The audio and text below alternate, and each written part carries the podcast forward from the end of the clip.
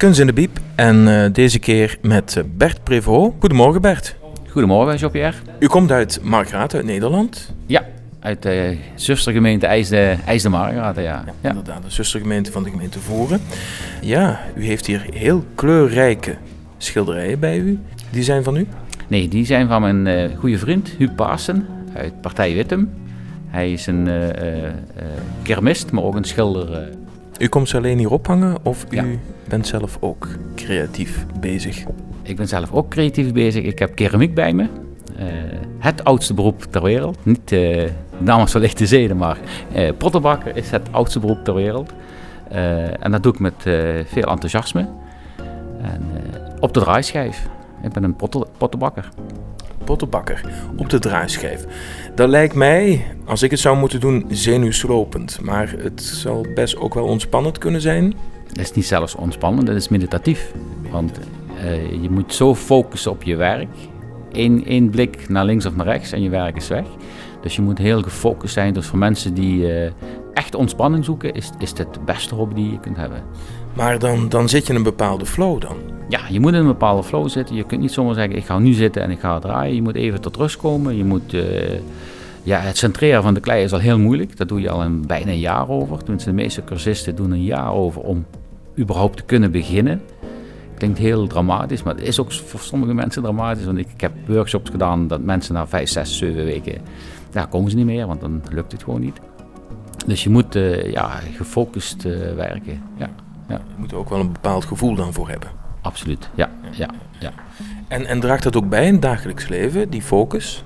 Voor mij wel. Uh, uh, ik heb een hele tijd geleden een burn-out gehad. En daar ben ik heel open over.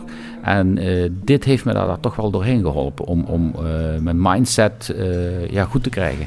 Ja. En dan ook het resultaat, dat mag gezien worden. Hè? Prachtig. Keramiek, het, wordt het ook nog gebruikt in de keuken? Ja, ik maak gebruikskeramiek en ik maak keramiek om, om te showen.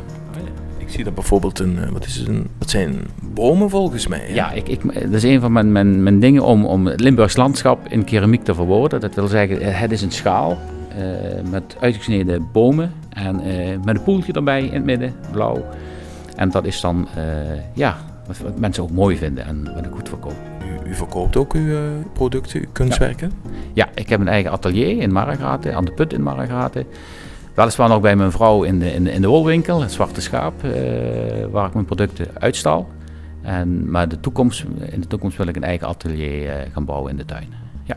Mooi, dat is geweldig eigenlijk als je dat zo kunt combineren. Ja. Het is voor jezelf goed en uh, de producten, de resultaten, die worden ook nog door andere mensen bewonderd.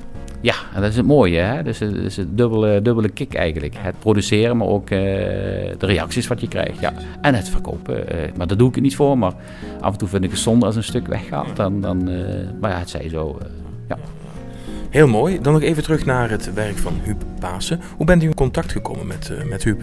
Met de keramiek. Hij was mijn eerste leermeester in de keramiek. Dus hij heeft me de grondbeginselen van keramiek bijgebracht. En we hebben nog steeds intensief contact. Een goede vriend van mij geworden.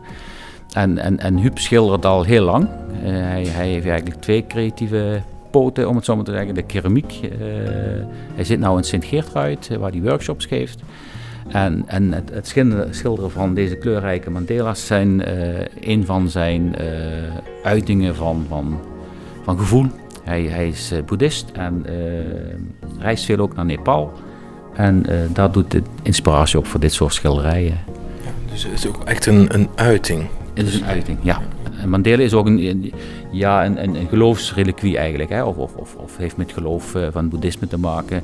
Zelfs als een, als een, een kruis bij het Rooms-Katholiek geloof of, of een Mandela bij het boeddhisme. Ja, prachtig. Heel kleurrijk vooral. Hè? We zien heel veel, heel veel verschillende kleuren. Ja, en het belangrijkste aan zijn werk is dat hij de verven zelf maakt.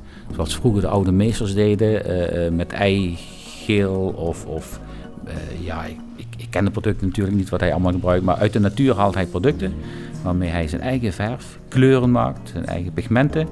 En die gebruikt hij in die mandela's. Dus van A tot Z eigenlijk. Ja, ja, ja. en hij schildert op doek en op hout. Uh, ook heel verschillend. En dat hout dat zuurt hij dan weer op en dan doet hij weer opnieuw schilderen.